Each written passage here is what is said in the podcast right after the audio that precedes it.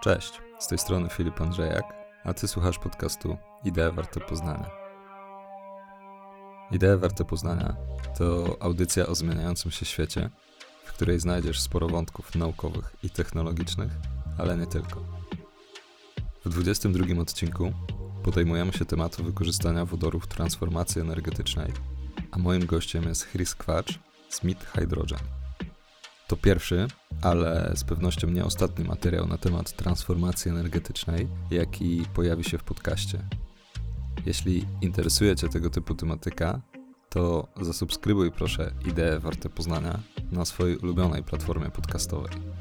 Wracając do wodoru, mam na wstępie jeszcze jedno małe ogłoszenie. Chris razem z ekipą z Mid Hydrogen startują właśnie nowy projekt edukacyjny High Schools Polska, którego celem jest dostarczenie wodorowej edukacji do szkół i uczelni wyższych. Jeśli ty lub twoja firma chcielibyście wesprzeć projekt, to rekrutacja partnerów jest ciągle otwarta. A teraz zapraszam do rozmowy. Cześć Chris, dzięki za przyjęcie zaproszenia do podcastu. Dzięki, bardzo mi miło, witaj. Chciałbym, żebyśmy sobie dzisiaj porozmawiali dużo o wodorze, gospodarce wodorowej i wszystkich tematach y, z tym związanych dookoła. Y, myślę, że sporo tego będzie, ale mam nadzieję, że damy radę. Bardzo ambitne wyzwanie i jest naprawdę mnóstwo rzeczy, o których moglibyśmy porozmawiać. Będziemy pewnie je wybierać y, i gdzieś tam dla Was przygotowywać takie najciekawsze fakty i też kilka historii. Może się uda. Ja lubię porządek, więc zacznijmy od początku. Gdybyś mógł powiedzieć, y, czym jest wodór, o co tak naprawdę z tym wodorem chodzi, no oprócz, czym jest, oprócz tego, że jest pierwiastkiem, bo... No to tutaj, już wiesz dużo, bo tak, niektórzy nie wiedzą tego. Tak, no to jedźmy od początku. Czym Oj, jest ten wodór i o co okay, z nim okay. chodzi? E, wodór, jak większość z was wie, bo przed chwilą wam podpowiedzieliśmy, jest pierwiastkiem. Pierwiastkiem pierwszym na, na naszej tablicy pierwiastków i składa się z jednego protona, z jednego elektrona, więc jest bardzo prosty w swoim składzie. Występuje we wszechświecie w 3 czwartych materii, więc jest najczęściej e, występującym pierwiastkiem w całym wszechświecie, który znamy do tej pory, bo znamy na pewno jego wycinek dopiero. Także na Ziemi jest e, najczęściej występujący pierwiastkiem, e, wchodzi głównie w skład wody, a jak wiecie, woda na planecie Ziemia to prawie 80% powierzchni, więc mamy go bardzo dużo. Jeżeli chodzi o, o to, mm, co można zrobić z wodorem, to po pierwsze, i to jest najważniejsze, jest e, świetną pętlą elektryczną, bo tak naprawdę wodór rozkładając się tworzy elektryczność, a mając elektryczność możemy stworzyć wodór. Więc zamyka się nam taka świetna, prosta pętla, którą będziemy wykorzystywać w trakcie tego spotkania w sumie bardzo często, bo właśnie na niej się opiera cała gospodarka wodorowa i na tym, aby ten wodór wykorzystać jako nośnik energii i aby z niego stworzyć i zrobić z niego nowe źródło czystej energii. Mhm. Super, czyli tak, wiemy, że wodór jest pierwiastkiem, wiemy, że jest go bardzo dużo, jest też go bardzo dużo na Ziemi, ale tak jak powiedziałeś, występuje w postaci związanej zazwyczaj, czyli mhm. czy da się ten wodór w jakiś sposób e, wyłowić? Jak, jak my go możemy pozyskiwać? Oj, no to tych sposobów jest mnóstwo. Tak naprawdę najczęściej wciąż wykorzystywanym, wykorzystywaną metodą jest pozyskiwanie wodoru z, z źródeł e, tych, które mamy na planecie, czyli tak samo jak węgiel i tak samo jak gaz ziemny. Tak samo w ten sposób wydobywamy wodór, e, bo wodór wydobywa się właśnie w trakcie procesu węglowego, czyli wydobycia z ziemi albo, albo metanu, albo wydobycia z ziemi węgla. Dlatego też y, ten wodór jest wciąż niezbyt atrakcyjny, jeżeli chodzi o kwestię zeroemisyjności i kwestię czystego klimatu, no bo tu możemy przejść od razu do trzech podstawowych technik wydobycia wodoru, bo myślę, że to też się przyda w trakcie dalszej rozmowy. I tutaj pewnie już zaraz zahaczymy o kolorki, tak, o które to, chciałem bo to jest zapytać. po prostu powiązane de facto jedno z drugim, więc jeżeli pytasz o wydobycie wodoru na Ziemi i jak najczęściej się to robi, no to podstawowym momentem i podstawowym sposobem to jest zgazowanie węgla albo zgazowanie metanu. To jest tak zwany reforming parowy, który stosujemy przy wydobyciu albo węgla, albo gazu ziemnego. Mhm. Um, Polega to tak na bardzo krótkim opisie, na po prostu podgrzaniu w bardzo wysokiej temperaturze węgla albo gazu ziemnego, potraktowaniu go także gazą, e, gazą e, parą wodną i w ten sposób wytrącamy z niego wodór. E, niestety w trakcie tego procesu wydobywało się mnóstwo CO2, czyli dwutlenku węgla, No i mm, no jest to proces, jak mówię, mało atrakcyjny, jeżeli chodzi o ekologię, bo wciąż zanieczyszczamy plane- planetę. Jesteśmy wciąż w źródle kopalnianym i wciąż tak de facto drążymy Ziemię po to, żeby wydobywać z niej pierwiastek, który stanowi jej część. I teraz tak, jeżeli chodzi o te kolory, to czym się różnią? Bo jak mówimy o wydobyciu e, węgla przez gazowanie, no to mm, e, wydobyciu wodoru przez gazowanie, no to w tym momencie albo mamy klasyczny wodór szary, czyli to jest wydobycie przez gazowanie bez wytrącania i łapania CO2, Mhm. czyli po prostu robimy proces podgrzewania, wyłapujemy wodór, a co wyjdzie z, z tego pozostałe, to wypuszczamy to do atmosfery w najgorszy sposób. Albo mamy wodór e, niebieski, to jest ten sam proces, tylko w trakcie wytrącania łapiemy, czyli tak zwany capturing CO2, czyli wyłapujemy e, dwutlenek węgla, który w tym procesie powstaje. Jeżeli chodzi o procenty, to jest około 85 do 95% wyłapania dwutlenku węgla, więc nie jest to metoda doskonała, no ale jest może bardziej cywilizacyjna i ten dwutlenek węgla zazwyczaj jest wykorzystywany w, w, w dalszej obróbce, bo to jest materiał też, który możemy wykorzystać i w przemyśle, i w, i w gdzieś tam w przemyśle chemicznym, więc nie ma z tym najmniejszego problemu. I to są te dwa podstawowe e, sposoby, które już przez wiele, wiele lat są stosowane. Mhm. No bo w Polsce wodór akurat też jest w ten sposób właśnie wydobywany. My jesteśmy, można by tu dodać, jednym z czołowych liderów producentów wodoru, jeżeli chodzi o wodór właśnie niebieski albo szary na świecie. Czyli wiemy, że to nie jest coś zupełnie nowego, to Nie się mo- robi Tak, i nie może, nie, chyba się nie powinniśmy tym chwalić zbytnio, no bo to nie znaczy, że jesteśmy fajni i jesteśmy ekologiczni i nowocześni, bo po prostu wydobywamy ten wodór przy okazji wydobycia albo, albo metanu, albo gazu ziemnego, albo, albo właśnie węgla. Mhm. A Polska jest wciąż niestety jednym z liderów wydobycia węgla na świecie, więc dlatego ten wodór przy okazji mamy go sporo. No dobrze, ale teraz y, już przy tych tematach wodorowych y, idziemy do przyszłości, idziemy do tego, że gdzieś tam wodór krąży wokół tych nowych źródeł energii, tych Mhm. czystych źródeł energii. I tutaj mamy pojęcie, kolejny kolor pewnie nam się za chwilę pojawi, czyli ten zielony, zielony wodór. Tak, to, jest czym- święty graal ostatnich Mhm. lat. Zielony wodór, czyli trzeci sposób, który zyskuje coraz większą popularność i jest coraz częściej stosowany, czyli elektroliza. I ten proces wygląda zupełnie inaczej, bo de facto tutaj produkujemy, produkujemy ten wodór poprzez klasyczne dostarczenie wody do elektrolizera. I w trakcie tego procesu w elektrolizerze to jest taka maszyna, taki, nie wiem, są elektrolizory wielkości powiedzmy takiego kontenera. To są Mhm. już elektrolizory, które mają, nie wiem, 2 mega powiedzmy waty i mogą wytworzyć już trochę wodoru. E, I w trakcie takiego procesu w elektrolizerze następuje rozdzielenie tak naprawdę wody na wodór i na tlen, który zostaje uwalniany do atmosfery. Nie jest to, tlen dla nas jest podstawowym pierwiastkiem niezbędnym do, do oddychania, więc, e, więc w tym momencie tak naprawdę e, możemy z niego korzystać i on nie zanieczyszcza atmosfery. Czyli ten proces jest w 100% czysty, bo mamy wodę, którą rozbijamy na wodór i na tlen. Mhm. No i teraz pytanie, no bo okej, tworzymy ten wodór, ale ten elektrolizer musi mieć jakieś zasilanie, tak? No żeby wziąć do niego tą wodę i żeby on zaczął tą wodę rozdzielać na wodór i na ten tlen, no to musimy dostarczyć do niego energię. No i teraz oczywiście możemy tą energię podłączyć z tak zwanego gniazdka. No ale skąd, jeżeli ktoś myśli dalej, no to mówi, no dobrze, ale skąd ta energia do tego gniazdka dochodzi? No i nagle się okazuje, że dochodzi oczywiście z elektrowni albo z elektrociepłowni, czyli która jest zasilana węglem, czyli zamykamy ten krąg trochę oszukując samych siebie. Mhm. Dlatego w procesie elektrolizy zielonej w przypadku wodoru stosuje się odnawialne źródło energii. Czyli zasila się taki elektrolizer albo mm, wiatrem, albo słońcem. Czyli zazwyczaj jest to e, jakaś e, farma wiatrowa so, albo farma solarna, która po prostu jest podłączona do elektrolizera. I w ten sposób tworzymy w 100% czystą energię, bo energię do tego elektrolizera dostarcza nam albo słońce, albo wiatr, który jest odnawialnym mm, źródłem energii. I w trakcie tego procesu tworzymy czysty zielony wodór, który możemy później wykorzystywać w przemyśle, w transporcie, gdziekolwiek. I to Mhm. jest proces w 100% czysty i to jest ten wodór, o którym nam chodzi i ten, który stanowi dla nas potencjalną przyszłość, jeżeli chodzi o, o, o transport, o, o przemysł, o gospodarkę. Mhm.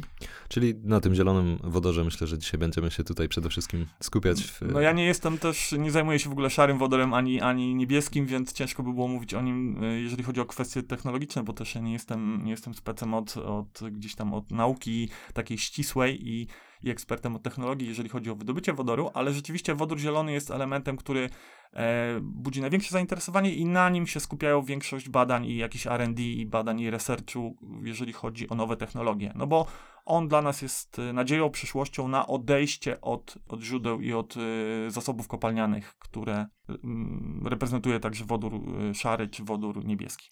Ja tutaj może zrobię małe wtrącenie jeszcze, bo też jak sobie robiłem research, to znalazłem jeszcze jeden taki kolorek, taką opcję O, ewentualną. kilka. Tak, jest jeszcze sporo, ale też na pewno tam gdzieś był na przykład fioletowy, czyli to, że można z energii atomowej, tak z jakiejś elektrowni atomowej. O tym też porozmawiamy. Tak. To przy mm, e, strategii Polski na najbliższe lata właśnie ten kolor się pojawia. Mhm. Czyli to też istotne, że możemy zaznaczyć, że jest y, A i tak, oczywiście mamy jeszcze wodór czarny, który pochodzi stricte z węgla, mamy wodór czerwony, który w trakcie użytkowania jeszcze dodatkowo pochłania CO2 z atmosfery, więc to jest wodór nie tylko e, zeroemisyjny, ale taki, który jeszcze zasysa w trakcie, kiedy z niego korzystamy dodatkowe CO2 z atmosfery, czyli oczyszcza nam atmosferę z dwutlenku węgla, więc taki wodór plus, rzekłbym. Więc e, tych odnóg jest sporo, ale to są też e, mm, bardzo nieliczne e, i wolumeny niezbyt wielkie, więc skupiamy się przede wszystkim na tych trzech kolorach i one są taką bazą, która jest uznawana za bazą podstawową pracy na wodorze. No i ten wodór zielony jest tym, który pewnie dzisiaj e, przyciągnie naszą największą uwagę. Czyli co, powiedzieliśmy sobie sporo o tym wodorze zielonym, o tym, w jaki sposób go można e, wytwarzać. To chciałbym Cię tutaj popytać o kilka kolejnych takich kwestii ważnych, e, związanych z funkcjonowaniem wodoru w gospodarce. To znaczy, jak już go wytworzyliśmy, to co dalej? Jak ten wodór można przechowywać, ewentualnie dalej transportować, no a później pewnie dojdziemy do tego, jak wykorzystywać. Jak już mamy zielony wodór, to się cieszymy, że go stworzyliśmy. Nie, żartuję oczywiście. E, wypadałoby chyba zacząć od, od początku, czyli Mhm. pokazać, jak wygląda ten proces w ogóle, bo, bo ten proces musimy przejść przez cały łańcuch, żebyśmy zrozumieli, jak to, jak to de facto działa. E, jak już wspomniałem na początku, fajnie, że wodór e, ma w sobie energię i mając energię możemy tworzyć wodór, więc ten łańcuch jest w przypadku zielonego wodoru, bo o nim dzisiaj rozmawiamy, jest dość prosty. Tak jak mówiłem, mamy elektrolizer, do którego dostarczamy energię ze słońca albo z wiatru. Najczęściej, bo oczywiście może być to równie dobrze e, elektrownia, nie wiem, taka, która jest na rzeczy, na tamiek, czyli Mhm. z wody możemy dostarczać do niego energię także, to, to nie ma problemu. Ważne, żeby to był odnawialne źródło energii, bo wtedy ten wodór jest naprawdę zielony. E, Elektrolizer tworzy nam czysty zielony wodór, uwalniając z tej wody dodatkowo oczywiście w przestrzeń trochę, trochę tlenu i ten wodór magazynujemy oczywiście w jakiejś postaci. I teraz możemy wrócić do tego pierwszego pytania, czyli o tym, jak wygląda wodór. No bo wodór, oprócz tego, że jest go bardzo dużo na Ziemi i bardzo często występuje, to jest także bardzo lekki. Jest pierwiastkiem, który jest 14 razy lżejszy od powietrza. Dlatego też, jak wiecie, może z historii, dawno, dawno temu był Hindenburg, który stosował taką technikę i były takie wielkie też y, cepeliny, które latały właśnie też na wodór, który wykorzystywały jako paliwo, ale też wykorzystywały z miksem w helu, żeby unosić y, całość y, wielkiego smoka kilkuset metrowego w powietrze. I ta lekkość wodoru jest jego zaletą, ale jest też jego wielką wadą, bo jak, przez to, że on jest bardzo lekki, to też jest mało sprężony.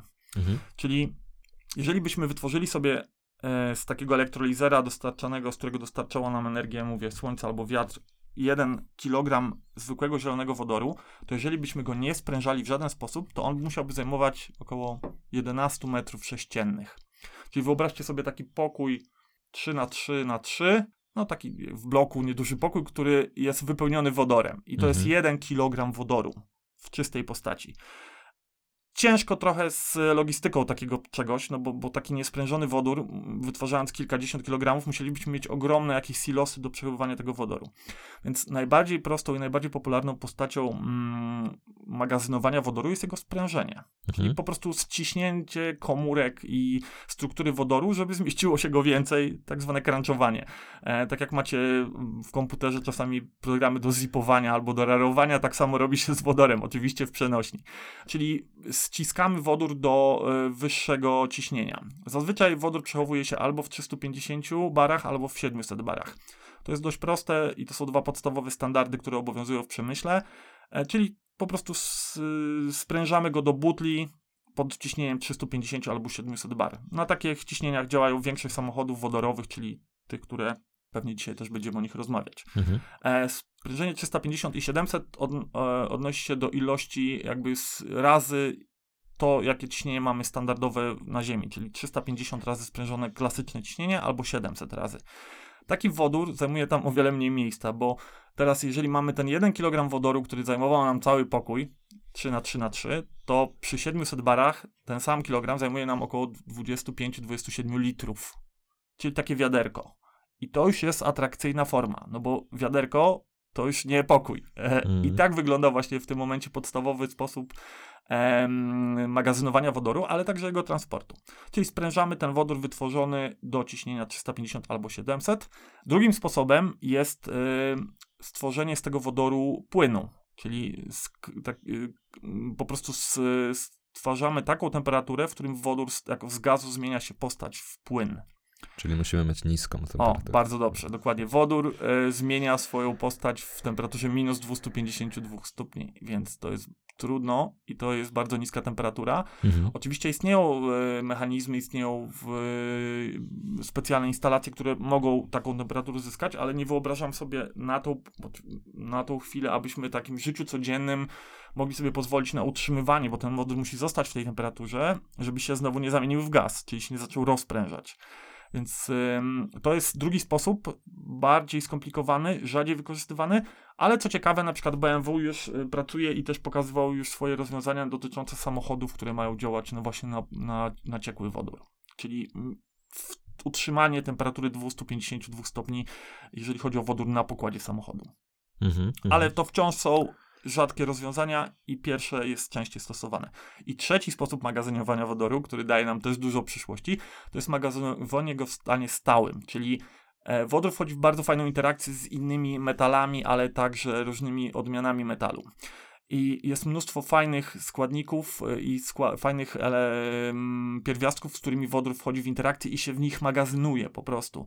To są litki, to są, em, to są różne odmiany magnezu, to są amitki i w tych metalach magazynuje się wodór.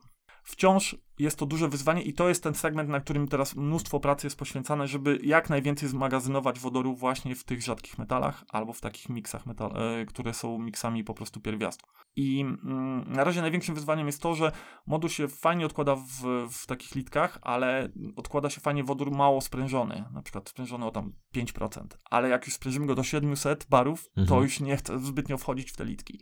I teraz, tak bardzo mówiąc prozaicznie, cały ambaras polega na tym, żeby spróbować ten wodór zmagazynować w tych, tych właśnie stałych metalach. I to jest trzeci nurt, który e, zyskuje na coraz większej popularności i też mnóstwo e, badań jest poświęconych temu, żeby właśnie w ten sposób magazynować wodór.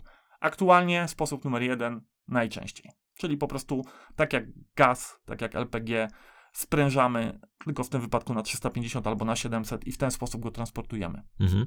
I ten transport jak się może mm, tutaj objawiać, że tak powiem, no bo co, mm, czy można to jakimś gazociągiem, rurociągiem, tak jak gaz? Dokładnie tak. Czy... Mhm. Najczęstsze sposoby, najbardziej popularne, jeżeli chodzi o transport wodoru, to jest albo gazociąg, który jest najbardziej optymalny, jeżeli chodzi o wolumen, no bo możemy przesłać go bardzo dużo, bo on ciągle działa, albo to są cysterny, albo to są jakieś e, pojazdy, albo to są na przykład statki, które też transportują wodór sprężony i, i to są te najczęstsze, najczęściej wykorzystywane sposoby transportu wodoru. Magazynowanie w ten sam sposób, no bo, bo też magazynujemy do wodór albo w tym momencie właśnie w postaci sprężonej, albo magazynujemy go w postaci ciekłej, w bardzo niskiej temperaturze. Są też ciekawe projekty y, magazynowania wodoru pod ziemią, bo, bo są takie duże kawerny solne zazwyczaj, w których się wkłada mnóstwo wodoru. I to też jest y, bardzo ciekawy temat, o którym można mnóstwo porozmawiać. Jedną z takich najciekawszych chyba projektów, które aktualnie gdzieś tam istnieją, to jest projekt w Ohio, który robi Mitsubishi, czyli duży japoński koncern. I to jest taka wielka kawerna solna, która wyobraźcie sobie ma 800 metrów głębokości, taka dziura, no naprawdę wielka, Mhm. i 800 metrów też szerokości.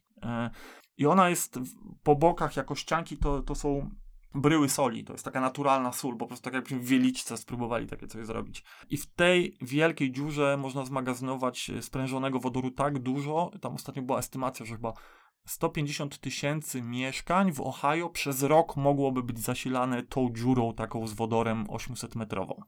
Sprężoną oczywiście. Mhm. Dlaczego tam jest sól? Bo to też jest pytanie, a dlaczego to jest sól? Dlatego, że sól ma e, świetne właściwości em, takie mm, uzupełniające po, e, wszelkie szczeliny. Ona się świetnie rozchodzi i także sobie świetnie radzi z ciśnieniem, czyli jak są jakieś rozprężenia, to sól świetnie, stanowi świetny bufor, który magazynuje i usztywnia tak naprawdę tą powierzchnię. Czyli tam jest bezpiecznie po prostu, nie ma To jest przecieków. naturalny po tak, prostu. naturalny taki- taki bufor, który nam utrzymuje ten wodór w bezpieczeństwie.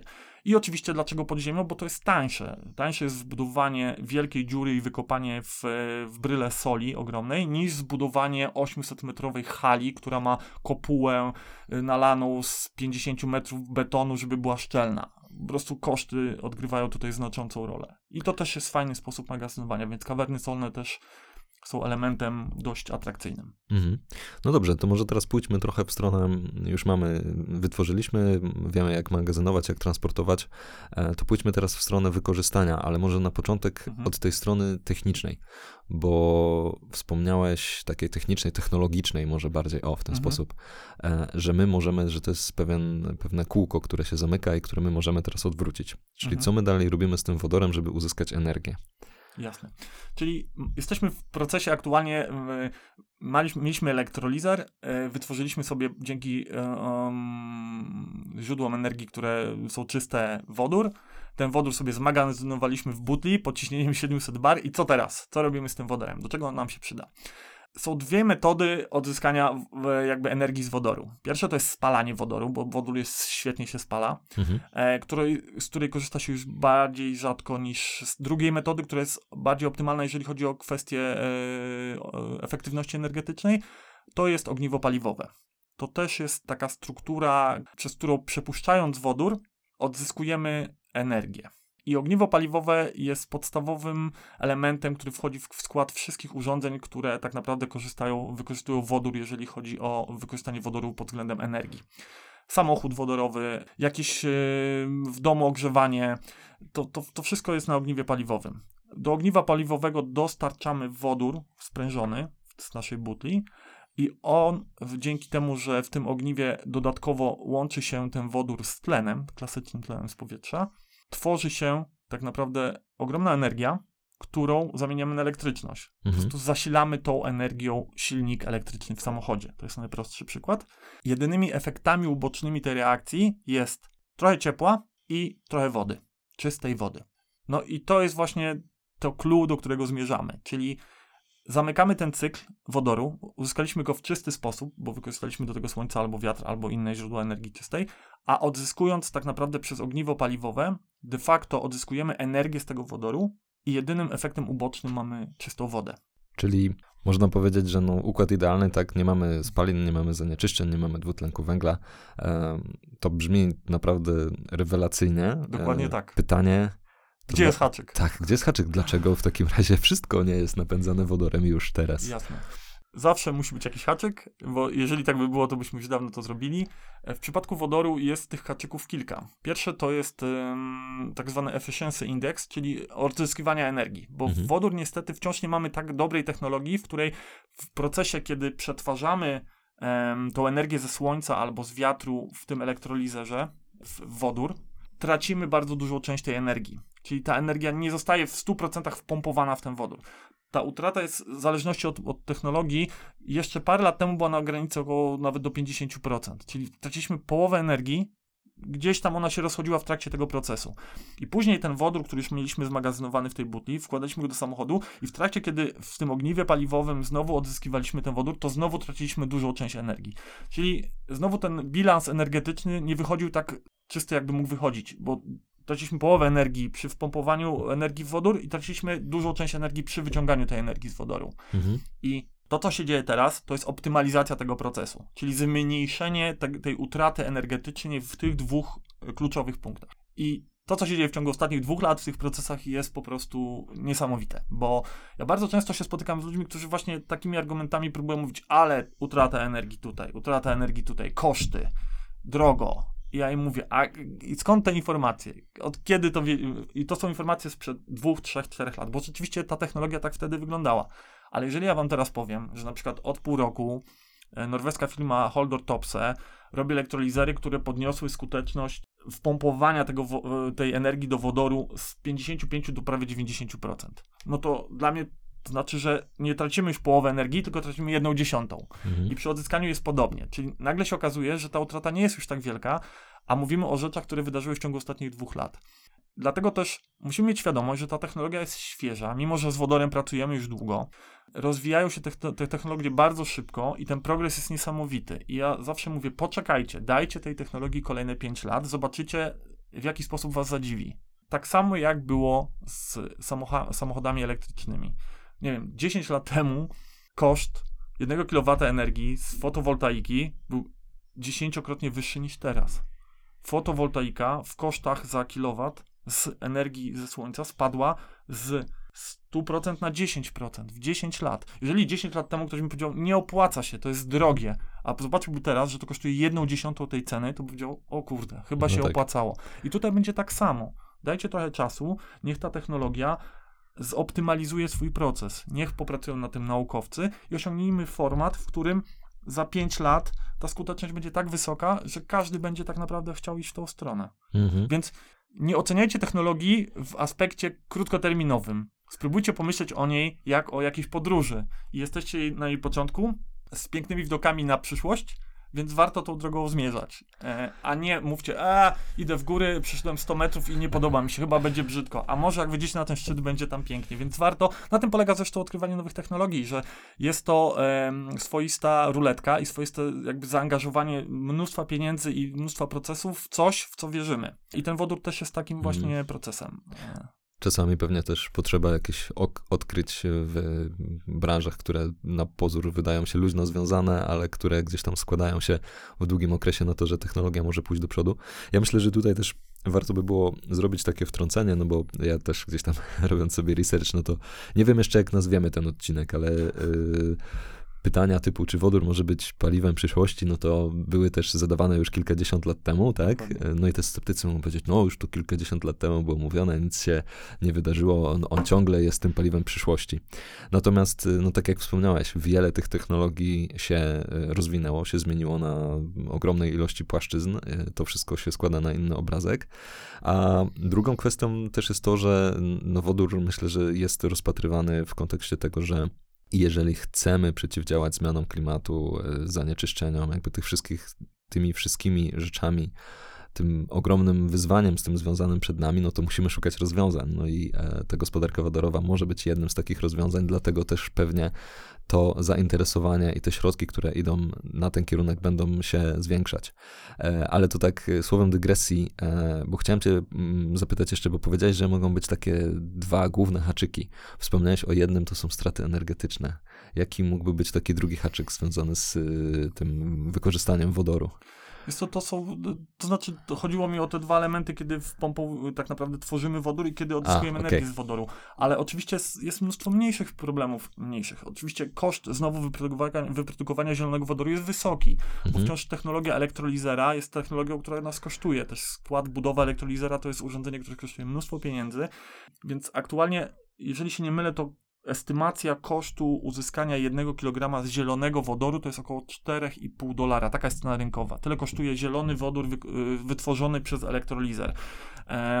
No, jest to cena wciąż wysoka, tak? Bo jeżeli założymy, że samochód elektryczny zasilany ogniwem e, wodorowym spala około 0,8 do 1 kg na 100 km, no to taki zwykły Kowalski powie, no kurde, 100 km 4,5 dolara, no to dolar tam po 4 zł, no to 20-30 zł, no to drogo jeszcze, to mam benzynę mam za 5, tak? No. Ale wszystkie estymacje, tak jak mówiłem, długi ogon i znowu czas yy, progresu technologii, wszystkie estymacje, wczoraj właśnie też, to już świeża rzecz, Siemens Energy ogłosił, że do 2025 będą produkować zielony wodór za dolar 50 za kilogram. Yy, Nel Hydrogen, taka wielka firma, która tworzy elektrolizery, buduje w Norwegii wielką fabrykę dwugigową elektrolizerów, czyli będzie mnóstwo tego zielonego wodoru wytwarzać w ciągu doby i tam też cena estymowana w ciągu najbliższych 3 lat, kiedy ta fabryka będzie w 100% operacyjna jest około 1,5 dolara. I teraz już kwota 7 zł czy 8 za 100 km czy 80 przejechane e, samochodem elektrycznym zasilanym ogniwem e, wodorowym nie jest już taka, że tak powiem, odrzucająca dla klasycznego, zwykłego człowieka mhm. jeżeli ma do wyboru tą technologię. A pamiętajmy, tak jak mówisz, że my nie mamy wyjścia, po prostu.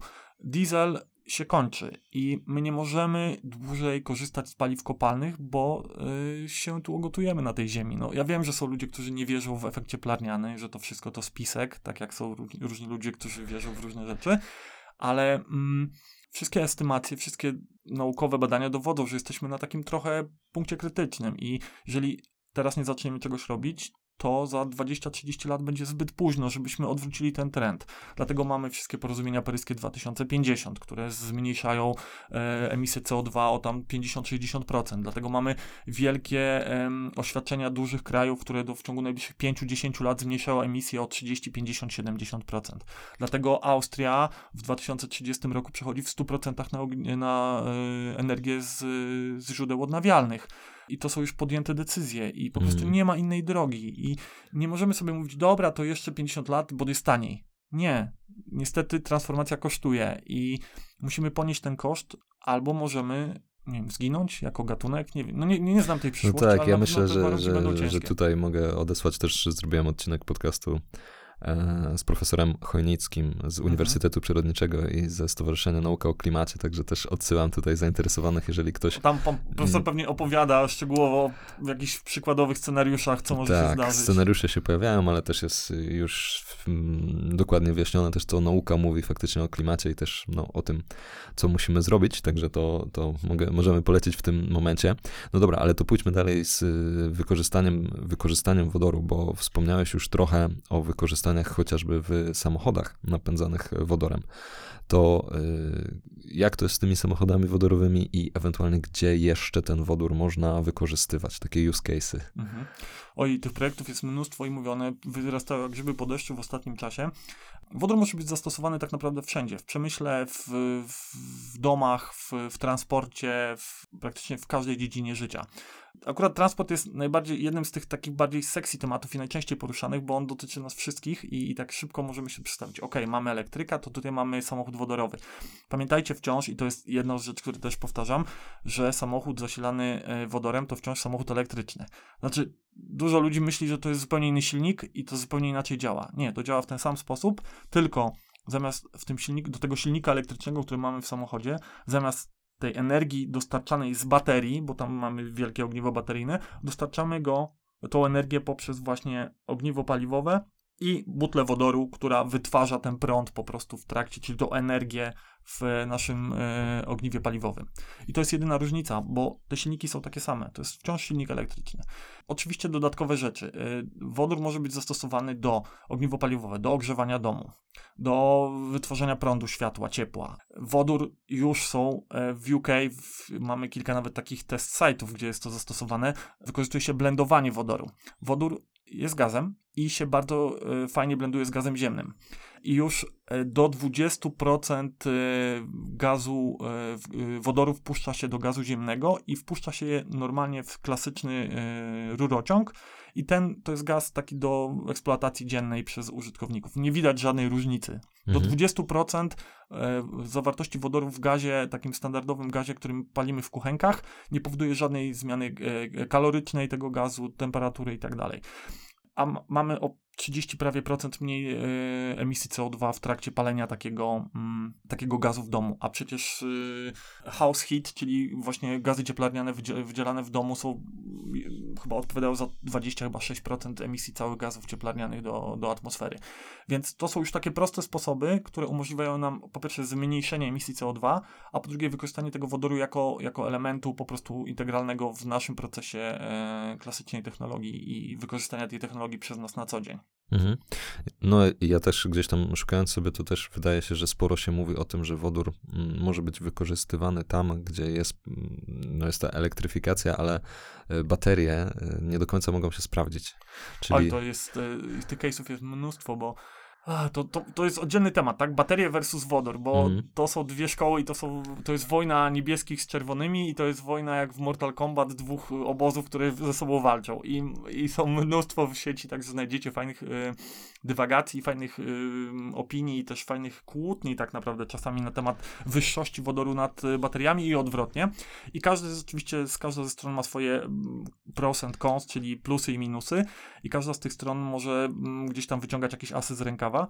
Jeżeli chodzi o, o, o to wykorzystanie wodorów, y, chodzi o niskie temperatury. Bateria po prostu, nasza klasyczna litowo-jonowa, która jest zazwyczaj wykorzystywana, źle sobie radzi w niskich temperaturach. I te niskie temperatury czasami to jest minus 5 stopni. Zresztą widać to w waszych komórkach. Jeżeli jest niska temperatura, Mhm. macie telefon, który ma już tam, nie wiem, 2 lata, to on czasami bardzo szybko się rozładowuje. To jest ta sama technologia, tylko trochę większa w przypadku, nie wiem, samochodów elektrycznych, które mają po prostu wielkie ogniwa bateryjne na pokładzie. I na przykład północne Chiny, które od dwóch lat robią y, całkowity fixing swojej floty, czyli cała flota samochodów elektrycznych, bateryjnych jest przekonwertowywana na samochody wodorowe. Bo wodór w niskich temperaturach nie ma. On lubi niską temperaturę, jak wiecie, nawet do 250 stopni. Więc y, o, wiele lepiej sobie radzą y, samochody elektrycznie zasilane ogniwami paliwowymi, wodorowymi niż takie bateryjne, które, jak się okazało, mają zasięg tracą do 30, nawet do 50% pojemności baterii. Przy srogiej zimie, na przykład w północnych Chinach. I nagle wyjeżdża Mhm. kierowca, który miał przejechać samochodem, swoim autobusem szlak 250 km, a po 100 km ma pustą baterię, bo się niestety rozładowało ogniwo, bo było minus 5 stopni. Wodorem nie ma takich problemów.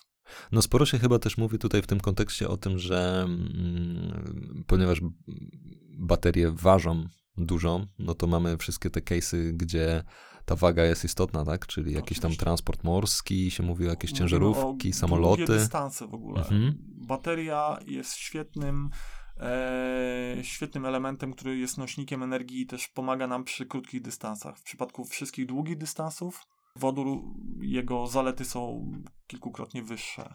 Po pierwsze, samochód wodorowy klasyczny, jeżeli wracamy do tego podstawowego elementu, to jest zasięg na butni około 600-800 km. No, ostatnio są takie zawody na przejechanie na jednym baku wodorowym. Rekord aktualnie wynosi na Toyocie Mirai 1003 km. Tyle zostało zrobione chyba dwa miesiące temu. W Paryżu był finał, podjechali pod wieżę jeszcze iFly zrobili sobie zdjęcie. 1003 km. Na żadnym samochodzie na baterię nie przyjedziecie tyle bez ładowania. Klasyczny samochód na baterię ma, nie wiem, 300-400 km, to już jest dużo. Klasyczny samochód wodorowy 600-800 zasięgu, dobry samochód wodorowy z dużym zbiornikiem 1000-1200 km. Tak jak mówisz, to są też inne e, wszystkie pojazdy, no nie wiem, łodzie, tak, które gdzieś tam wypływają. To też kwestia, tym bardziej, że już mamy technologię taką, że są łodzie, które mają elektrolizer na pokładzie, czyli w trakcie pływania same produkują sobie wodór. Wypływamy, mamy oczywiście zbiornik wodoru, ale mamy nieduży elektrolizer, który zajmuje jedną szóstą okrętu, jest tam gdzieś z tyłu. I on, kiedy wypływamy w morze, ze słońca po prostu ściąga wodę, bierze morską, z, odsala ją, bierze wodę morską z, po prostu spod pokładu i tworzy sobie wodór na pokładzie z elektrolizera, czyli uzupełnia nam zapasy paliwa. No i jeżeli to jest e, wystarczająco zoptymalizowane, to nagle się okazuje, że możemy bez zawijania do portu pływać, nie wiem, 8 dni albo 15 i korzystać z paliwa, które sami sobie wytworzymy z wodoru. Bateria żadna wam tego nie da.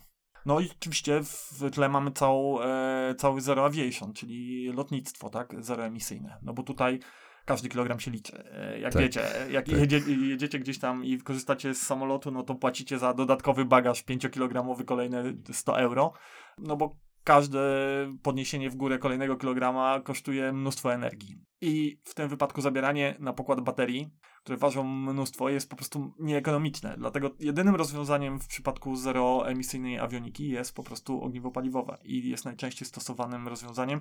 Mnóstwo firm pracuje nad swoimi rozwiązaniami.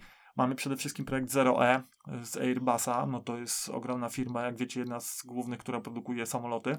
Airbus ma taką fajną, dużą komórkę, e, która przez najbliższe 6 lat tworzy chyba 4 turbojety, które będą pracować na ogniwach paliwowych.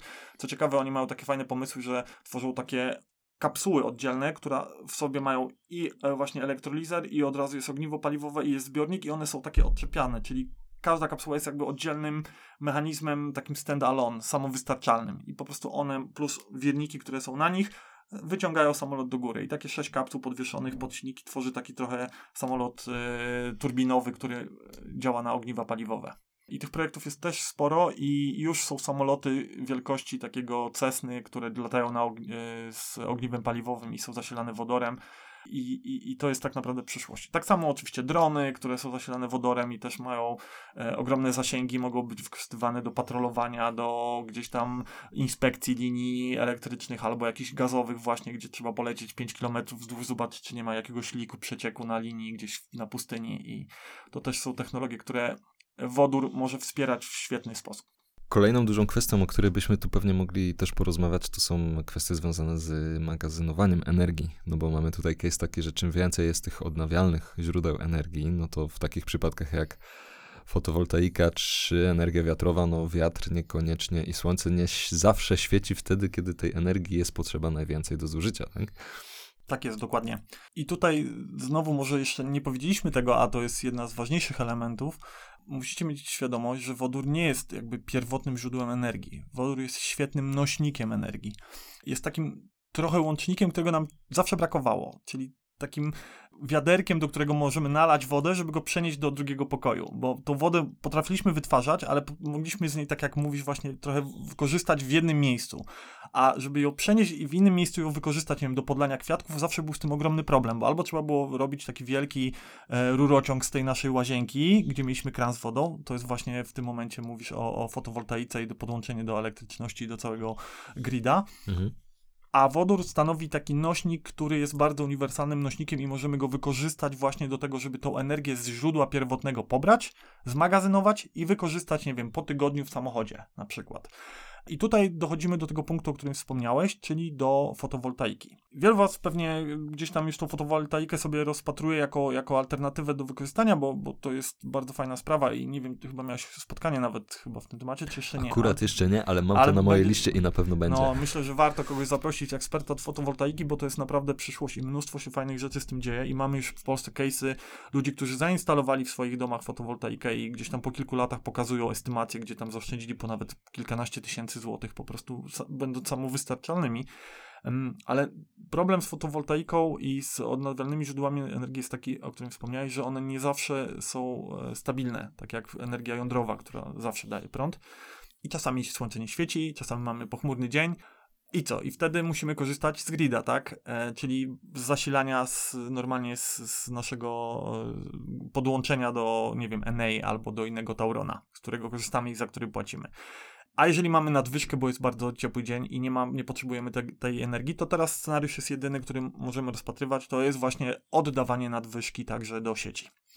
E, Oczywiście y, można by rozmawiać o kosztach, czy to jest opłacalne, bo hmm. wielkie sieci energetyczne niezbyt korzystne warunki dają w przypadku takich, takich założeń, no bo każdy chce na tym zarobić i jeżeli my sprzedajemy swoją energię, to nagle się okazuje, że możemy ją później odkupić, ale nie płacimy za nią 100%, tylko trochę mniej, ale wciąż ją odkupujemy, a przecież to jest nasza energia i my ją wytworzyliśmy, więc dlaczego mamy hmm. za nią dwa razy płacić?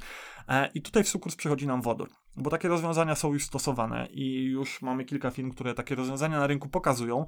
I to jest też jeden z najczęstszych case'ów, który się pojawia u nas, czyli przychodzą klienci i mówią, słuchajcie, mamy farmę, farmę fotowoltaiczną, produkujemy tyle i tyle energii i mamy trochę nadwyżek zawsze, bo po prostu tyle wpuszczamy, tyle nam potrzeba, a tyle nam zostaje. I co możemy z tym zrobić? Bo teraz możemy mm. tylko to oddać do sieci. I wtedy zaczynamy rozpatrywać tutaj magazyn energii zbudowany na wodorze. Technologii jest mnóstwo, technik jest kilka, już też Wam o tym powiadałem, bo tych magazynów wodorowych możemy stworzyć w kilka sposobów, ale chodzi o to, aby tą nadwyżkę z fotowoltaiki zgromadzić i wykorzystać, kiedy będzie nam potrzebna. I dzięki temu, że mamy wodór i mamy jego właściwości, które są właśnie takie, że może nam w bardzo prosty sposób tą energię, nadwyżkę energii zakląć niejako w wodorze, przechować, a później, kiedy będzie potrzebna, bo e, nie świeci słońce i musimy mieć mm. trochę więcej energii, to sięgamy do naszego magazynu energii i z niego pobieramy tą nadwyżkę, tak jak w zejście do piwnicy i korzystanie z zapasów. To tak właśnie wygląda, bo jedno z takich rozwiązań, które jest chyba też bardzo fajnie trafia do zwykłego Kowalskiego, bo to jest Lavo, to jest taka firma z Australii, która robi magazyn energii oparty na wodorze. To jest taka szafka wielkości dużej lodówki, która ma w sobie elektrolizer, ogniwo paliwowe i właśnie sprężone zbiorniki też na, na wodór. Ona może zmagazynować w ten sposób, że po prostu jeżeli mamy w domu fotowoltaikę i mamy nadwyżkę energii, bo jest słoneczny dzień, to ta nadwyżka przez elektrolizer jest przetwarzana i magazynowana w naszej piwnicy w tych butlach jako wodór. Mhm. A kiedy potrzebujemy, bo jest zima, jest długa noc i nie ma zbyt wiele y, słońca, no to wtedy korzystamy de facto w drugą stronę, czyli z tych butli zmagazynowany wodór przez ogniwo paliwowe jest zasilany do naszego grida, czyli daje nam prąd, światło, ciepło, cokolwiek. Hmm. 40 kW może e, taka szafka zgromadzić. To jest około, zwykły dom wystarczy do zasilania do około 3 do 5 dni. Czyli jeżeli mamy full magazyn, to nie korzystając ze słońca i ze żadnych innych źródeł energii, możemy sobie na naszej lodówce wodorowej lawo y, 3 do 5 dni mieć prąd, energię, ciepło w domu. No to też jest taka funkcja, powiedzmy, że potroszę baterii, tak? No bo można powiedzieć, Tak, dokładnie tak. którą wodór spełnia. To też jest, no bo też można taki magazyn w oparciu o baterię postawić sobie. No też, Można, też oczywiście. powiedzmy, to, to jest cały czas konkurencja w Jasne, jakimś tam stopniu. jest kilka. My Mhm. akurat skupiamy się, ja nie mówię, że nie ma magazynów na energię, też na baterie. Każde z tych rozwiązań ma swoje plusy i minusy. E, ilość cyklów i tak dalej, bo bateria też ma swoją e, wytrzymałość i moc i tak jak rozmawialiśmy w przypadku też temperatur, ta, o, to mm, jakby procent odzyskania energii też spada, e, ta efektywność energetyczna jest mniejsza, więc to, to, to są już oczywiście szczegóły, które należą już do Was i można w różny sposób wybrać sobie tą technologię docelową. Mówię Wam tylko, jakie te rozwiązania są dostępne na rynku, w jaki sposób, w taki bardzo prosty sposób możemy z nich wykorzystać. No dobrze, to może pójdźmy teraz y, w kierunku takich już namacalnych y, rzeczy na tym naszym nawet polskim podwórku, powiedzmy sobie w ten sposób. E, Jak to jest z tą gospodarką wodorową, czy jej perspektywami w ogóle rozwoju w naszym kraju, w Polsce? Czy, czy my, bo wspomniałeś, okej, że Polska sporo produkuje tego wodoru, no ale niekoniecznie no tak, tego... Ale nie możemy się chyba zbytnio tym chwalić. E, Producenci, którzy są na pokładzie, to są producenci brudni, czyli wodór przede wszystkim szary, czasami niebieski. E, Azoty, spółka e, Orlen, czyli wielcy producenci, którzy się zajmują e, i ropą naftową, i gazami, więc to są ci główni producenci. E, Jeżeli mówimy o mm, gospodarce wodorowej i zielonym wodorze, no to oczywiście tak. mm, No mamy czasy polityczne, jakie mamy. Aktualny rząd no, przez długie lata niezbyt poważnie traktował odnawialne źródła energii, czego dowodem są, nie wiem, jeżeli śledzicie rynek chociażby ustawy Wiatrak Plus 2016, który de facto zniszczył do zera cały rynek e, Mhm. energii wiatrowej w Polsce. Oczywiście minęło 5 lat, w międzyczasie okazało się, że węgiel nie jest wcale taki fajny i nie będzie naszą przyszłością. I ta strategia węgiel e, jest, jest naj, nie jest najpiękniejszy, wcale nie przyniesie nam e, długoterminowo żadnych zysków. Koszty oczywiście w międzyczasie rosną, bo jesteśmy jednym z ostatnich państw, które produkuje energię na węglu. E, emisje CO2, ceny rosną, aktualnie rekordowe 50 euro za tonę emisji CO2 ze spalania, co oczywiście przekłada się na wzrost cen energii, dlatego w Polsce energia jest bardzo droga i będzie jeszcze droższa.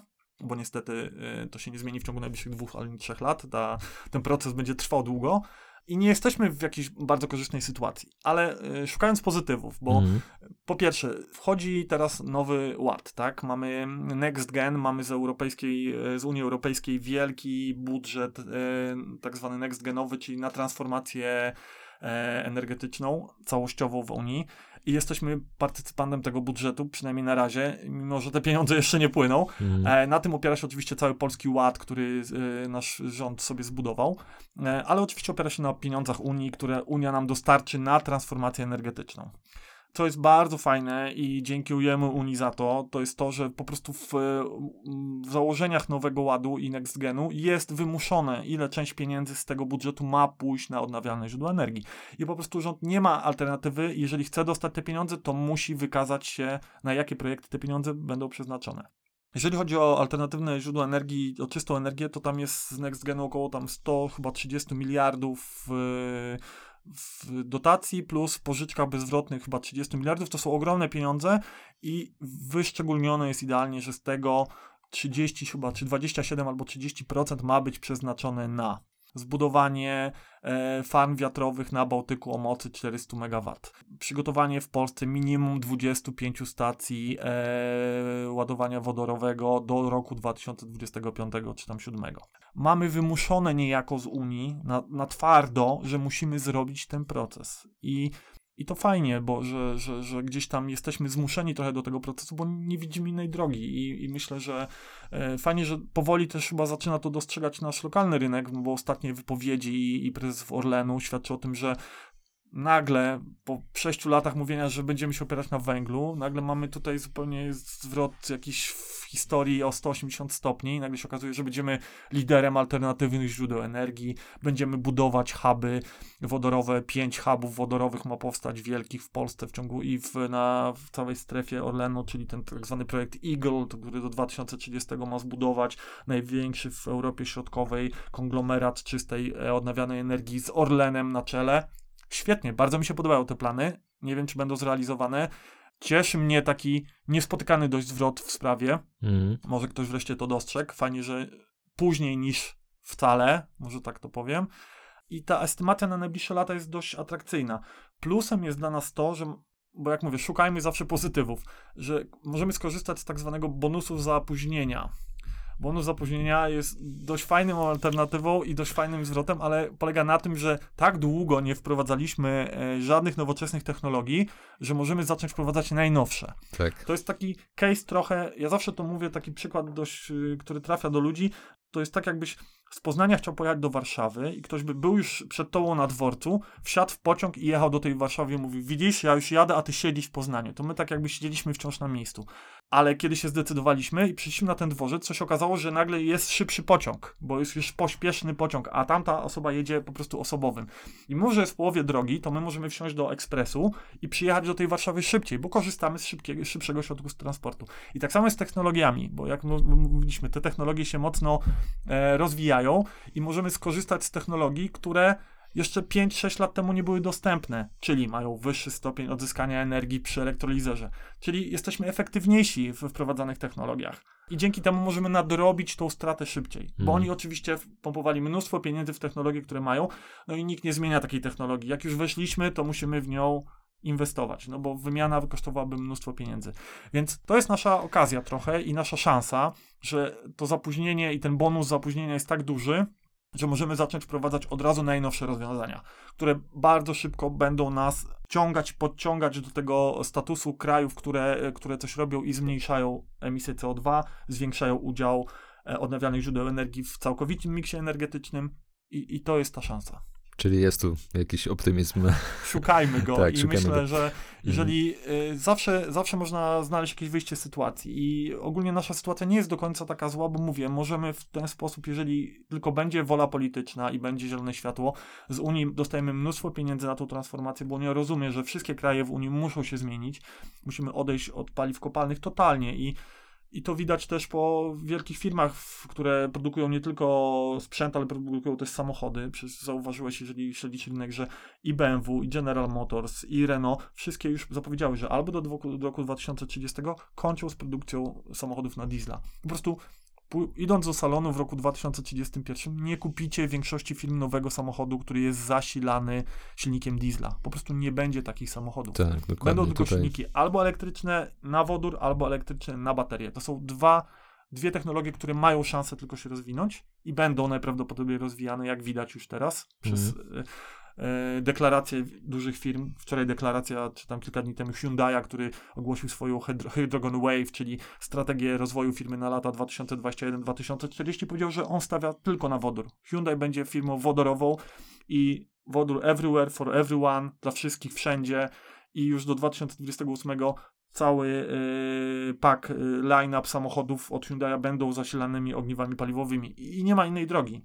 Mhm. Oczywiście przed nami dość ciekawy okres, okres takiego, takiej transformacji przejściowej, czyli najprawdopodobniej w latach 2030-2040 na stacji benzynowej podjeżdżając będziemy mieli dystrybutor do 95, będziemy mieli LPG i będziemy mieli superchargera do elektryki i będziemy mieli e, też ładowanie do wodoru i tak to będzie wyglądało. Mhm. Bo dopóki te samochody po prostu y, klasyczne, a samochód zazwyczaj eksploatacja trwa od 10 tam do 15 lat, czyli w tym okresie po prostu będzie nam się zmniejszać naturalnie ilość samochodów na diesel, aż dojdziemy do roku 2000, nie wiem, 40-50, gdzie zostaną tylko samochody wodorowe i samochody elektryczne, zasilane wodorem i bateriami i po prostu będzie taki case jak teraz, nie wiem, z wypożyczeniami kaset wideo VHS, gdzie młodzież nawet nie wie, co to jest, bo nigdy z tego nie korzystała, a starsi z sentymentem przypominają sobie, jak oglądali filmy z Chuckiem Norrisem albo Mhm. Rambo. I tutaj będzie tak samo. Po prostu diesel w 2050 będzie przeszłością, od której odeszliśmy.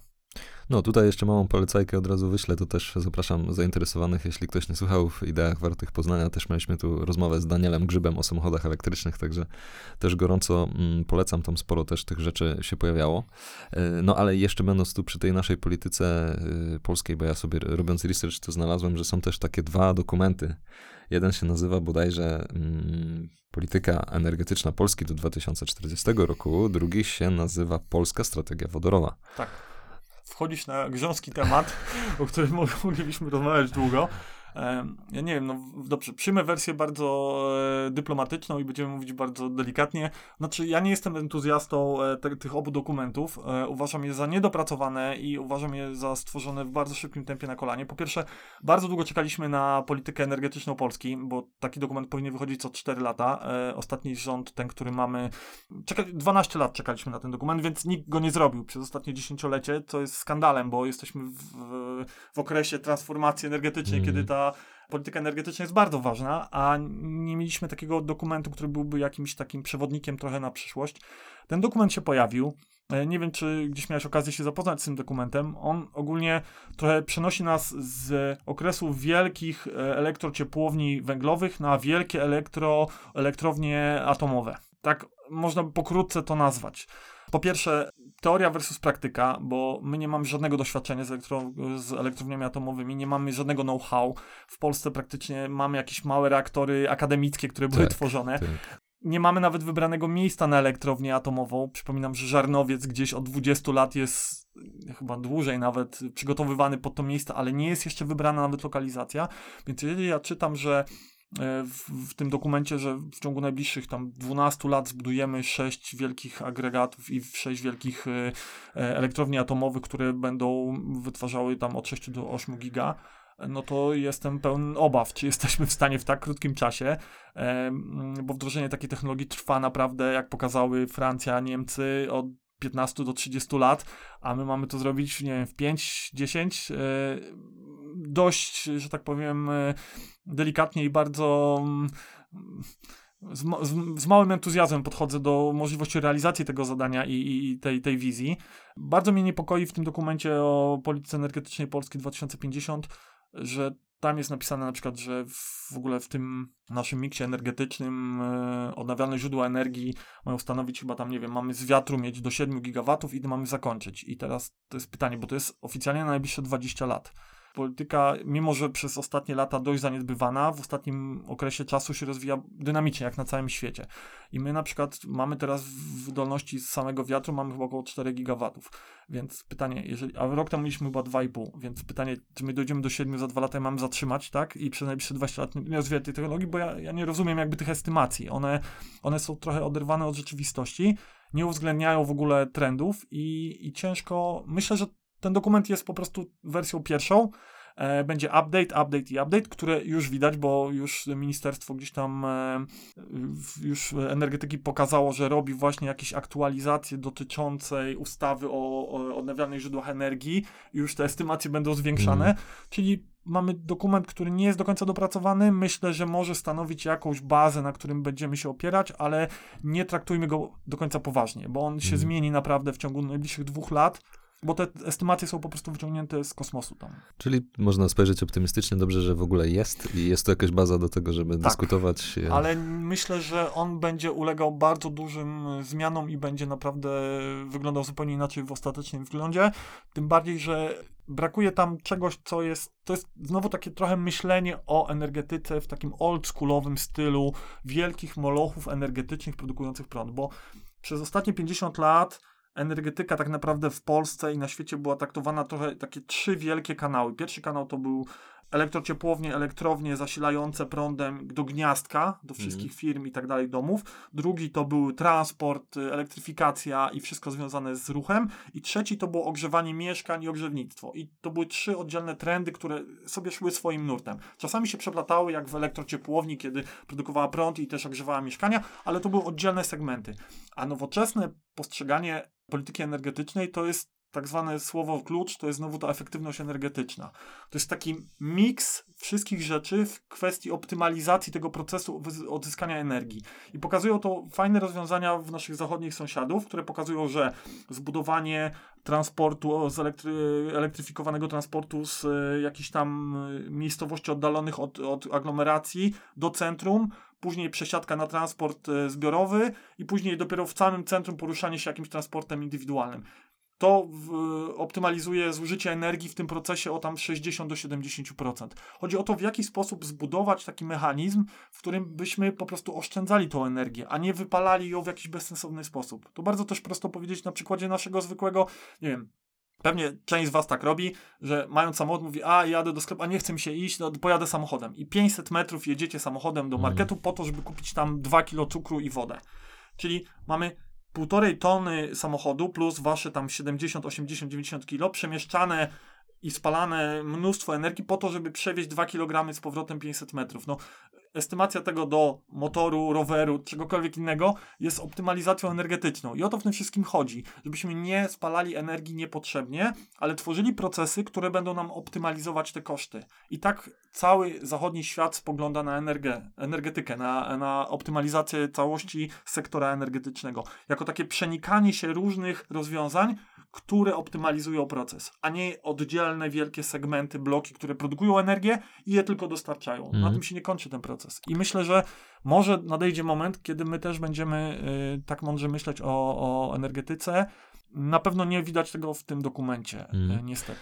No ale myślę, że po części ten proces będzie się dział oddolny, znaczy on już się dzieje oddolny, tak? No bo e, chociażby to, chociażby ta fotowoltaika, o której wspomnieliśmy i to, że dużo ludzi ją instaluje, to też wywiera pewną presję, tak? No bo na sieć przesyłową, na to, że rządzący czy zarządzający tym będą musieli się zastanowić e, jakoś, jak to dalej zorganizować, tak? Na pewno. No właśnie o to chodzi, że jakimś tam e, światełkiem w tunelu jest e, kwestia tworzenia tych lokalnych hubów takich właśnie wodorowych i energetycznych, bo to jest właśnie decentralizacja procesu tworzenia energii. Tak jak mówisz, nawet w postaci takiego prostego, zwykłego e, użytkownika, który sam tworzy dla siebie energię poprzez fotowoltaikę zamontowaną na dachu. Mamy znowu ten proces odchodzenia od tych wielkich dostawców, procesów energetycznych, które gdzieś tam jak mieliśmy przez ostatnie 50 lat, mówię, wielkie elektrociepłownie, Bełchatów, które i nie wiem, ZEPA, które dostarczały energię i tworzymy małe, lokalne huby, które w sam sposób mogą też wytwarzać energię z odnawialnych źródeł energii i decentralizujemy ten proces. I to jest ten, to rozwiązanie, myślę, w którym warto by pójść. Fajnie, że e, że to dostrzegasz i fajnie, że tam pojawiały się jakieś zalążki, przynajmniej w tym dokumencie o, e, o tej strategii wodorowej, o tworzeniu takich lokalnych ognisk, które same produkują i tworzą wśród małych i średnich przedsiębiorstw potencjalnych producentów energii. Bo, bo tak ten proces musi wyglądać. Teraz ta energia może być produkowana przez nas, nawet w małym zakresie, ale tworzymy hub kilkuset małych producentów, którzy razem tworzą też dość spory wolumen energii. Zresztą Zepak też jest tutaj fajnym przykładem, jako, jako jedna z firm, Mm. która wiodąca w przypadku transformacji energetycznej. Oczywiście za wszystkim stoi pan Solosz, który przejął udziały w tej spółce i, i, i kieruje ją w tym jasnym kierunku mocy, tych jasnych i czystych źródeł energii, ale tam też widzicie, że proces, teraz ostatnio chyba była informacja o tym, że oni też z Sołowowem kupują teraz te trzy SMA, e, SMR-y, czyli e, małe e, elektrownie atomowe, które wytwarzają do 300 MW energii. Ale to jest taki znowu proces decentralizacji, czyli nie mamy wielkiej elektro, Tak, podejście, nie? atomowej, tylko tworzymy lokalne małe huby, które są mniejsze, bo wiadomo, SMR 300 robi 300 MW. To, to nie jest tak wielki jak, nie wiem, elektrownia, elektrociepłownia Bełchatów, która wytwarza 5000 MW. Ale 7 takich SMR-ów nagle się okazuje, że tworzy tak samą ilość mocy, którą wytwarza taki jeden hub. I decentralizacja, tworzenie szybkich, małych, lokalnych punktów, które produkują energię, to, to myślę, to jest ta przyszłość. I, I ten miks energetyczny wtedy staje się zdrowszy, bo jest po prostu zdecentralizowany. Nie mamy jednego źródła energii, ale tworzymy część oparta na, e, na, elektro, na energetyce jądrowej, część oparta na OZE i to się wszystko fajnie uzupełnia. I ta przyszłość myślę będzie szła w tym kierunku, przynajmniej tak pokazują e, gdzieś tam drogi, którą wybrali nasi sąsiedzi dookoła. Mm, mm. No jak się jedna rzecz wysypie wtedy, no to też nie ma ogromnej katastrofy, tak? No bo mamy to, kilka kraników, które Tak. kapią niejako do jednego zbiornika. Dokładnie. Znaczy, ja myślę, że tu wiele istotnych kwestii poruszyłeś i to jest w ogóle hiperistotny temat chyba. No, jeden z Tak, takich... ja, dlatego mówię, chyba- że mamy tutaj naprawdę dużo tematów, które można by rozwinąć, ale chyba nam brakuje na to czasu. Tak, tak. No z jednej strony wiadomo, też musimy dbać o to, żeby tą energię w jakiś sposób sensownie czy oszczędzać, czy by wydawać optymalnie, tak?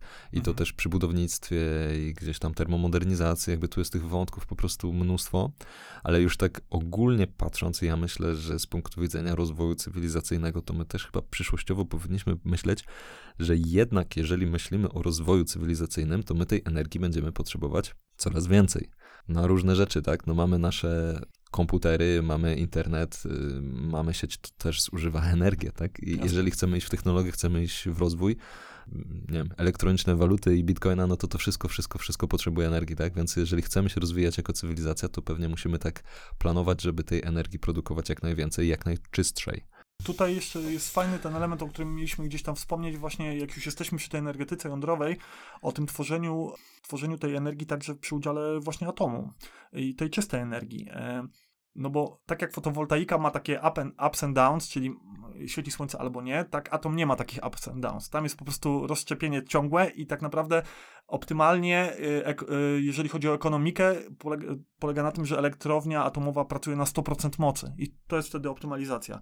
Ale oczywiście nie ma takiej potrzeby aktualnie, no bo, bo to zużycie prądu jest także w trakcie doby różne. No wiadomo, jest trzecia w nocy, to miasto zużywa energii o 90% czy 80% mniej niż o godzinie 17. Więc mamy tak zwane doliny nocne w elektrowniach atomowych, czyli po prostu zmniejsza się wydaj, wydajność e, i wydolność e, naszego ogniwa, jeżeli chodzi o, o atom. I tu jest miejsce na wodór, tak? Bo dla naszego elektrolizera, który produkuje wodór, musimy dostarczyć energię, ale to nie musi być czysta energia ze słońca ani z wiatru. Może być energia atomowa, to nie ma żadnego problemu, która też jest w sumie w pewnym stopniu energią czystą, no, do, na pewno czystszą niż węgiel.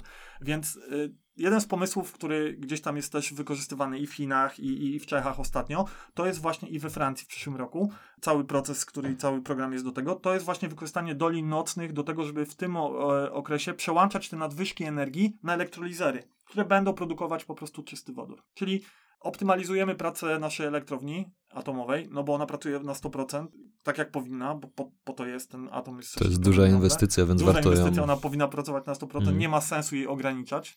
To się nic nie dzieje, tam po prostu ten proces rozszczepienia jest ciągły, więc my musimy go wymuszać niejako zmniejszenie poprzez składanie prętów, żeby on się wychładzał i tak dalej. Więc pracuje na 100%, a w momencie, kiedy miasto albo jakiś tam okrąg nie potrzebuje takiego zasilania, to przełączamy nadwyżkę energii na elektrolizery, które pompują nam i produkują e, zielony wodór, który my możemy wykorzystać do transportu, do samochodów, cokolwiek. No zmagazynować go, wysłać na stację, żeby tam sobie ludzie tankowali e, ten, ten wodór. I, i, I to też jest optymalizacja i to też Mhm. jest fajny jeden z pomysłów, które gdzieś się pojawia na takie produkty takiego wodoru właśnie już nie zielonego, tylko fioletowego, bo on tak się też często nazywa. To jest wykorzystanie atomu po prostu do produkcji wodoru. W przypadku Mhm. elektrolizy oczywiście, ale z innym źródłem zasilającym do naszego elektrolizera, czyli nie z y, wiatru, ani nie z, y, z energii słońca, czy tam wody. Może w tym punkcie powiedzmy teraz, bo już e, sporo było ogólnie, sporo było też o, o naszym podwórku.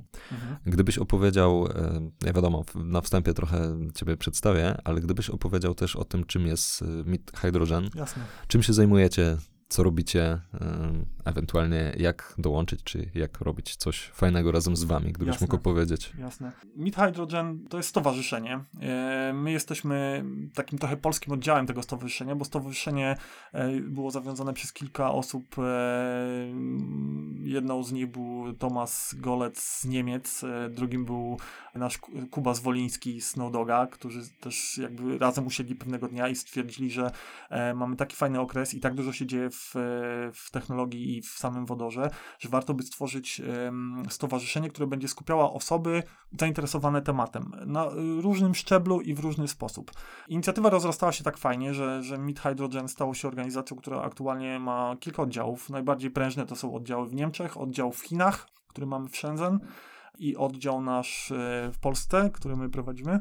Mid Hydrogen skupia się na kilku elementach. Po pierwsze, konsultujemy. Konsultujemy dla małych i średnich przedsiębiorstw. My staramy się nie współpracować z ogromnymi potentatami w jakichś procesach, bo uznajemy, że oni idą swoją drogą, ale właśnie szukamy tej e, szansy i możliwości e, wykorzystania technologii i także wodoru i jako magazynu energii w mniejszych i średnich przedsiębiorstwach, czyli tej dywersyfikacji rynku, która właśnie następuje, czyli oderwanie od takiego komercjalizacji molochów wielkich, które mają mm, monopol na, na całą energię i stworzenie możliwości potencjału wykorzystania wodoru w mniejszym formacie.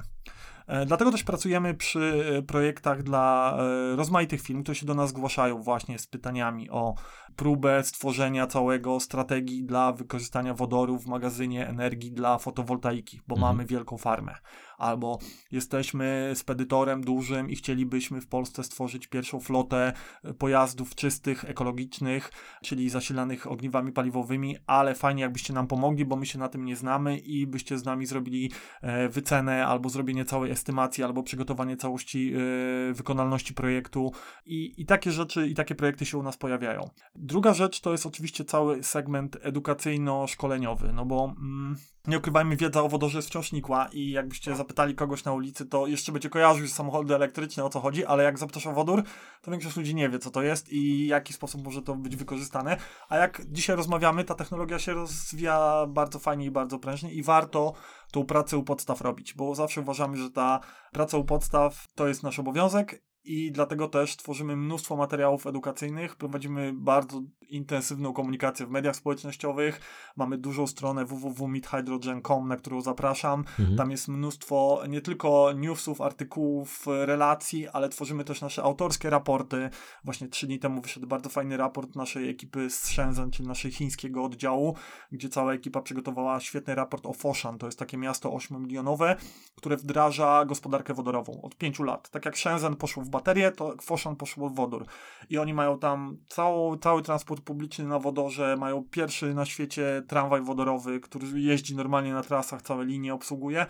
I można fajnie zobaczyć to jako case study u nas, bo na przykład wiemy, że Wielkopolska też przecież mamy wielkopolską tutaj gospodarkę wodorową i ta Wielkopolska 2050 wodorowa i cała platforma wodorowa tutaj w Poznaniu, która się tworzy i Wielkopolska też idzie w tym kierunku, kiedy wodór ma być podstawowym e, elementem energii i energetyki naszej lokalnej tutaj. Więc ta edukacja, tworzenie treści też jest naszym elementem, który gdzieś tam się pojawia. No i też tworzymy autorskie projekty. Mamy na pokładzie oczywiście swoją ekipę, w tym też kilku fajnych naukowców tutaj z PANU, z naszego instytutu lokalnego, którzy się zajmują. Pozdrawiam tutaj też Łukasza Lindnera, który jest naszym headem z całym naukowym. To też jest człowiek, który się zajmuje PM, czyli naszymi standardowymi membranami do, do ogniw paliwowych, czyli membrany protonowe, które są potrzebne, niezbędne w przypadku tworzenia każdego ogniwa paliwowego i jest ekspertem wieloletnim w tej dziedzinie, więc też nam pomaga dużo w różnych, w różnych tematach. No i nasz ostatni projekt, taki jeden z fajniejszych, na których zapraszam, bo on niedługo będzie startował, to jest High Schools. Mhm. My też mocno współpracujemy z Manchesterem. Tam jest taki Manchester Fuel Cell Innovation Center przy Manchester University i oni się zajmują stricte ogniwami paliwowymi dla całego miasta Manchester i robią mnóstwo naprawdę fajnych rzeczy. Chciałbym, żeby w Polsce kiedyś powstały takie, takie organizacje. I oni kiedyś przygotowali program High Schools, który polegał na tym, że to są takie lekcje wodorowe materiałów, które można było wykorzystać. I dzięki współpracy z nimi dostaliśmy zgodę na to, żeby te materiały niejako przyswoić, przerobić i wykorzystać do takiej edycji High Schools Polska. I na tej podstawie stworzyliśmy 11 dedykowanych lekcji na temat wodoru, które są na stronie www.hyschools.pl po polsku dla nauczycieli, dla wykładowców, dla uczniów, dla speakerów, dla osób na prelekcje, gdzie macie po prostu 11 lekcji przygotowanych w fajnych prezentacjach do pobrania jako PDFy, lekcje o historii wodoru, ogniwach paliwowych, zastosowaniu wodoru, e, gospodarce wodorowej, o dystrybucji wodoru, e, o aspektach ekonomicznych, prawnych, więc do pobrania gotowe, fajne almanachy informacji i wiedzy, które możecie swobodnie wykorzystać, bo to jest open source i e, bez problemu możecie je po prostu wziąć jako element na przykład na lekcje na temat nowych odnawialnych źródeł energii jako wykładowca albo jako nauczyciel i, i przygotować dla uczniów na tej podstawie po prostu fajną prelekcję. I myślimy, że to też jest fajny projekt, bo to jest pierwszy w Polsce taki almanach informacji na temat y, gospodarki wodorowej i wodoru jako źródła energii i takiego nośnika energii i nie ma takiego miejsca po prostu w Polsce. Jak ktoś poszukuje, to musi sobie w sieci grzebać nad poszczególnymi jakimiś elementami, wypowiedziami, artykułami, a tutaj macie w jednym miejscu skupione bardzo fajne, e, ładnie przygotowane prezentacje, które stanowią po prostu clue takiej podstawy wiedzy na temat wodoru. Ten projekt ma się oczywiście rozbudowywać, dopiero z nim startujemy, więc wszystkich zainteresowanych współpracą, jakbyście chcieli na przykład przejrzycie stronę, uważacie, że możecie coś dodać, przygotować jakieś materiały, bardzo chętnie, bo to ma być taki open source, który pracujemy jako taki crowdsourcing trochę e, i razem wszyscy po prostu budujemy niejako na, tak jak Wikipedia jest rozwijana, po prostu taką bazę fajną, almanach wiedzy o wodorze, który jak tutaj rozmawiamy chyba będzie jednym, już jest jednym z głównych nurtów naszej e, przyszłości i i nie widzę opcji, żeby, żeby ten nurt się nie rozwijał dalej, bo nie mamy alternatywy. Nie mamy w tym momencie. Mhm. Znaczy, wodór jest jedyną nadzieją. Są baterie, które też mają mnóstwo ograniczeń i i nie ma nic innego tak troszkę. E, aktualnie, jeżeli chodzi o te takie na najbliższe 10-15 lat, czekamy oczywiście na wciąż na, na takie mm, jeszcze bardziej nowoczesne i e, źródła energii, które gdzieś tam się tworzą i, i, i na pewno gdzieś w międzyczasie ta, ta, ta nauka będzie się rozwijać i będziemy mieć ich coraz więcej, ale aktualnie myślę, ten wodór jest jedną z głównych naszych e, nadziei na przyszłość i Dlatego uważam, że warto się tym zainteresować, bo mnóstwo się dzieje w tym temacie. Super. To już tak zupełnie na koniec, gdybyś mógł jeszcze na takie dwa pytania odpowiedzieć. Jeden to właśnie jakby co twoim zdaniem musi się dziać e, u nas na tym naszym podwórku, na tym naszym rynku, żeby ta mhm. strategia wodorowa, ta gospodarka wodorowa mogła się rozwijać. E, a drugie takie, no i jak ty widzisz tą przyszłość faktycznie?